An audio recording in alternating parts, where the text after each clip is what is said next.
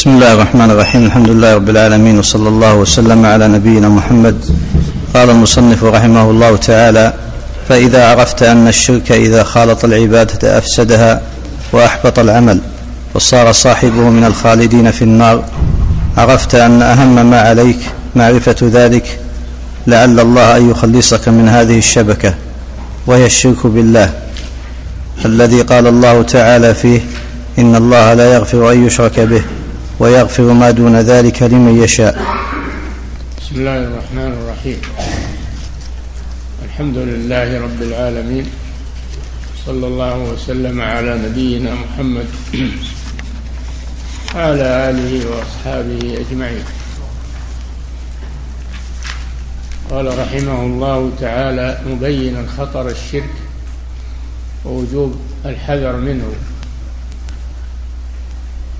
ولكنك لا تتجنبه وتحذر منه إلا إذا عرفت ما هو الشرك. إذا عرفت ما هو الشرك وعرفت خطره ووفقك الله لتجنبه فإنك سلمت بإذن الله. وإلا فأنت على خطر على خطر عظيم. إذا عرفت أن الشرك إذا خالط العبادة أفسدها كما سبق أنه مثل الحدث. إذا خالط الطهارة أبطلها.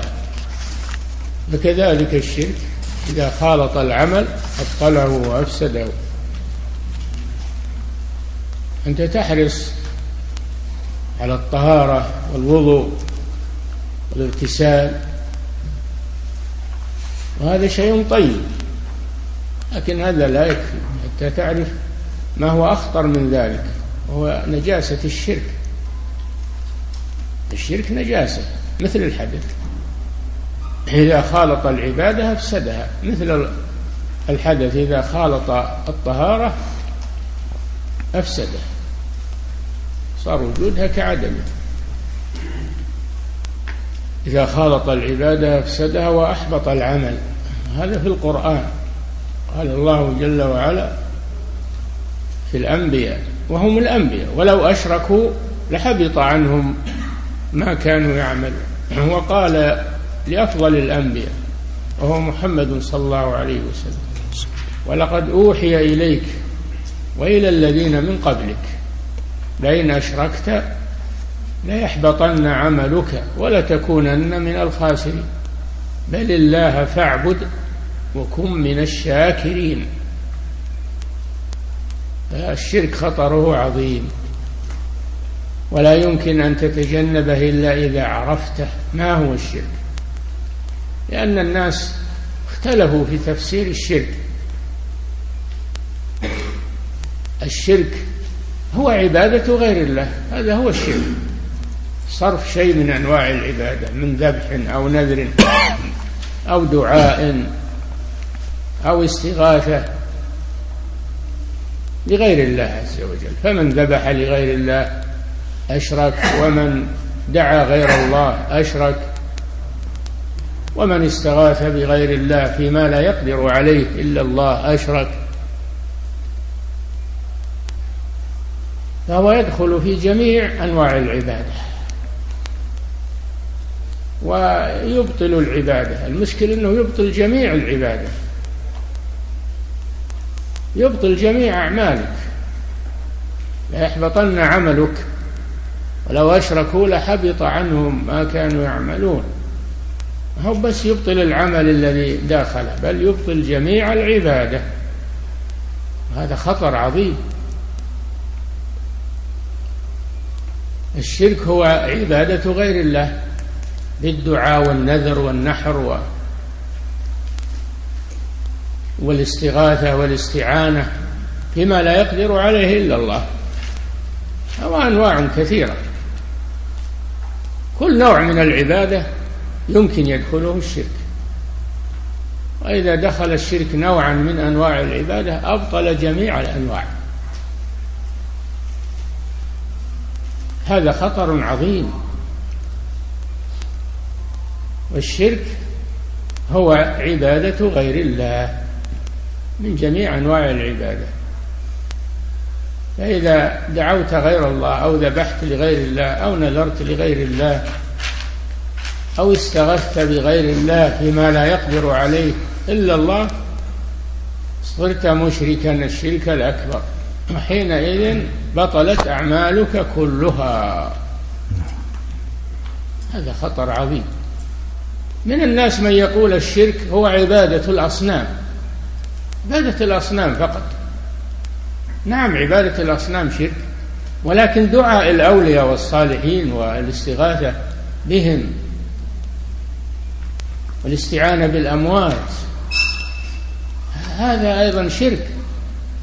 وهو ما عليه كثير من المنتسبين إلى الإسلام. تعظيم القبور والتبرك بها و وزيارتها لأجل النفع ودفع الضرر. هذا شرك أكبر لأنه عبادة لغير الله. ما هو بس عبادة الأصنام. وسيأتيكم أن النبي صلى الله عليه وسلم بعث إلى قوم متفرقين في عباداتهم منهم من يعبد الأصنام ومنهم من يعبد الأشجار والأشجار ومنهم من يعبد الملائكة ومنهم من يعبد الأولياء والصالحين. فقاتلهم رسول الله صلى الله عليه وسلم ولم يفرق بينهم. ما فرق بين من يعبد الصنم ومن يعبد الأولياء والصالحين. ما فرق بينهم قاتلهم جميعا. لأنهم كلهم مشركون. ما فرق بينهم في الحكم كما يفرق هؤلاء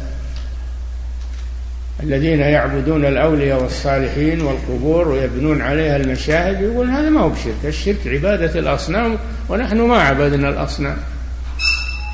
عبادة الأصنام نوع من أنواع الشرك. ما هو الشرك مقصور عليها؟ يجب أن تعرف هذا. ولا تنخدع بأقوال هؤلاء. من الناس من يقول الشرك إثبات الأسماء والصفات هذا العجب. ولذلك يسمون إثبات الأسماء والصفات شركا. يسمون أهل السنة والجماعة الذين يثبتون الأسماء والصفات يسمونهم مشركين لأنهم أثبتوا آلهة مع الله يقولون. أثبتوا آلهة مع الله. فهم مشركون. فعدوا الموحدين عدوهم مشركين. هذا من انتكاس الفطر والعياذ بالله. يسمون الشرك بغير اسمه يقولون هذا توسل. الاسم ما يغير الحقيقة. أنت لو سميتها السم عسلا ما تغير السم هو سم. والاسم ما. إذا سميت الشرك لأنه توسل هذا ما يغير الحقيقة هو شرك. هذا توسل بالصالحين. أن نتوسل بالصالحين لأنهم صالحون ونحن مذنبون وهم أقرب إلى الله منا الله ما أمرك بهذا. الله أمرك أن تدعوه مباشرة.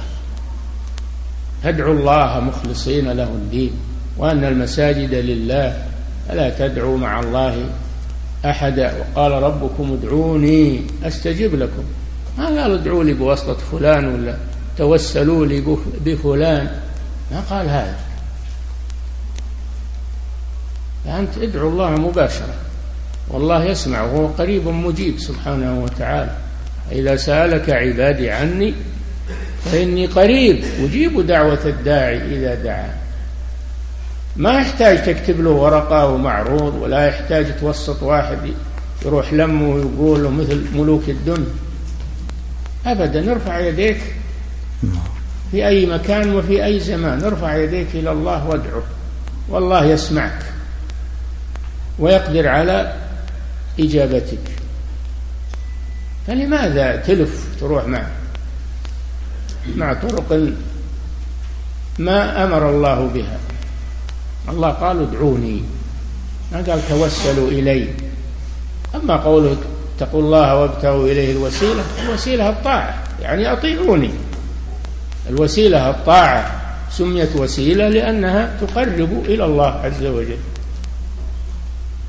هذا الوسيلة أنك تتخذ واسطة من الخلق. هذا تفسير باطل.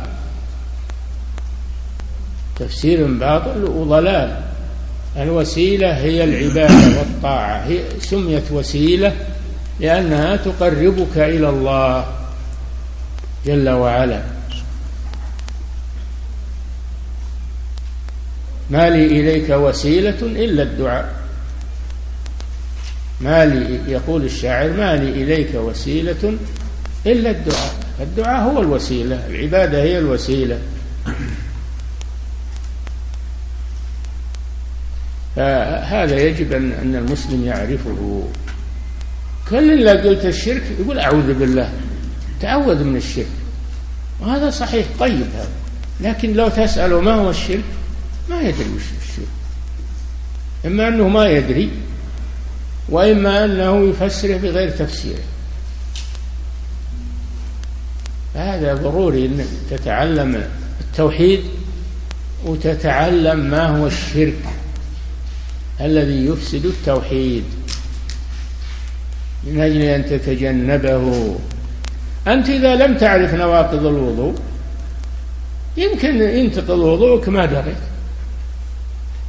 إذا ما تعرف تدرس تدرس نواقض الوضوء تعرفها حتى تتجنبها وتحافظ على طهاراتك يمكن ينتقض وضوءك وتصلي وأنت على غير وضوء وأنت ما تدري. كذلك. أخطر من هذا إذا إذا جهلت ما هو الشرك. قد تشرك بالله وخصوصا أن هنا دعاة دعاة إلى الشرك. دعاة ضلال يدعون الناس إلى الشرك. ويزينون الشرك يألفون فيه مؤلفات الخطر عظيم. إن لم تلجأ إلى الله وتتعلم أمور دينك وعقيدتك هلكت مع الهالكين ولا حول ولا قوة إلا بالله. سبب الجهل. الله ما ترك لنا عذرا. أرسل إلينا رسولا وأنزل علينا كتابا وأقام علينا الحجة وأزال عنا الجهل. اقرأ القرآن يا أخي. شوف كم فيه من آية تحذر من الشرك وتبين ما هو الشرك. في القرآن العظيم. ولكن تقرأه بس مجرد تحسين صوت وحفظ وما أشبه ذلك هذا ما يكفي. لازم تقف عند كل آية وتعرف معناها خصوصا آيات التوحيد والآيات اللي فيها التحذير من الشرك. من أجل أن تحافظ على عقيدتك وعلى دينك تسير على منهج صحيح. نعم. صلى الله عليك فإذا عرفت أن الشرك إذا خالط العبادة أفسدها وأحبط العمل وصار صاحبه من الخالدين في النار. آه. إذا عرفت أن الشرك إذا خالط العبادة أفسدها وأحبط العمل هذه واحد. صرت تعمل على غير هدى. عمل يتعبك ولا فيه فائدة. العاقبة أشد من هذا تكون من الخالدين في النار. إن الله لا يغفر أن يشرك به. إن الله لا يغفر أن يشرك به ويغفر ما دون ذلك لمن يشاء. لا يغفره الله. إذا مات عليه الإنسان لا يغفره الله. ومآله إلى النار. إنه من يشرك بالله فقد حرم الله عليه الجنة. ومأواه النار. وما للظالمين من أنصار. ذنب هذا خطره كيف نتساهل فيه ونجهله؟ ونقلد الناس ونقتدي بالناس. شوف فلان شوف علان. لا ما تشوف الرسول صلى الله عليه وسلم. تقتدي بالرسول خليه هو قدوتك. ما هو بتقتدي بفلان والشيخ الفلاني و... اقتدي بالرسول.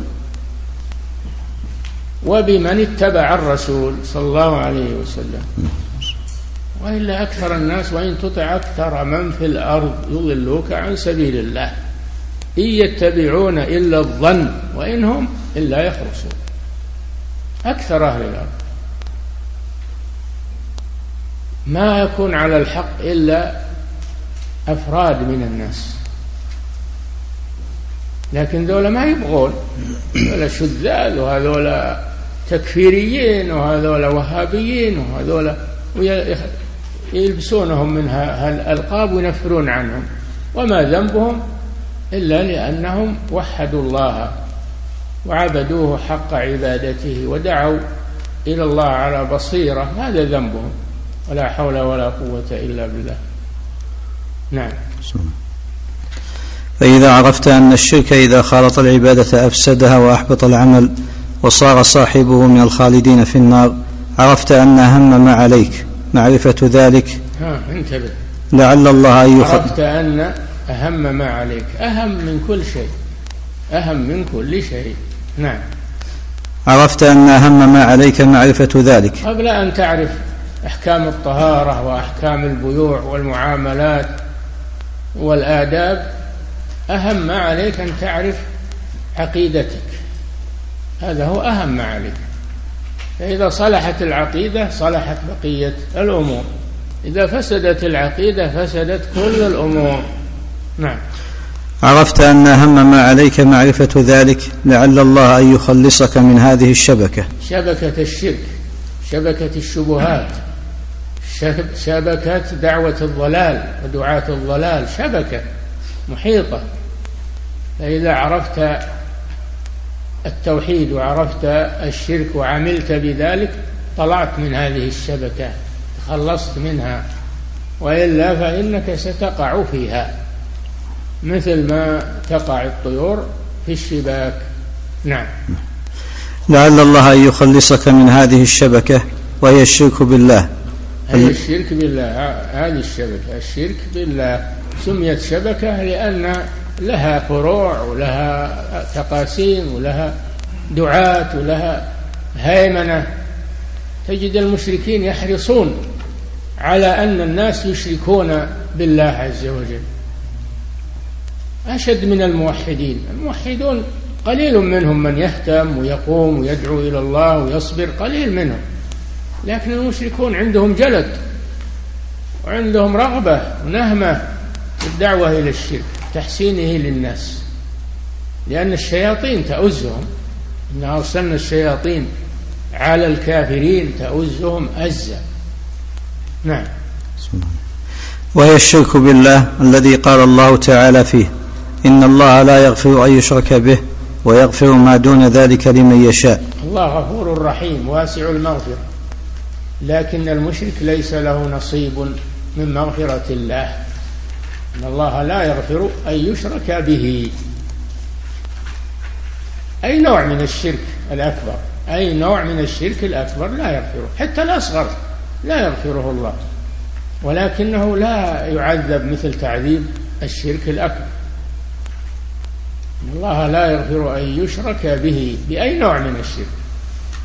ويغفر ما دون ذلك لمن يشاء من الذنوب. يغفر الزنا يغفر يغفر أكل الربا يغفر إذا شاء سبحانه وتعالى.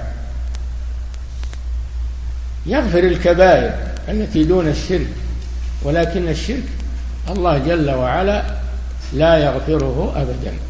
نعم.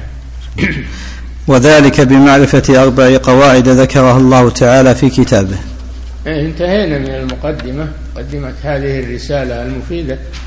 وقفنا على بداية القواعد إلى الدرس القادم إن شاء الله. صلى الله وسلم على نبينا محمد وعلى آله وصحبه.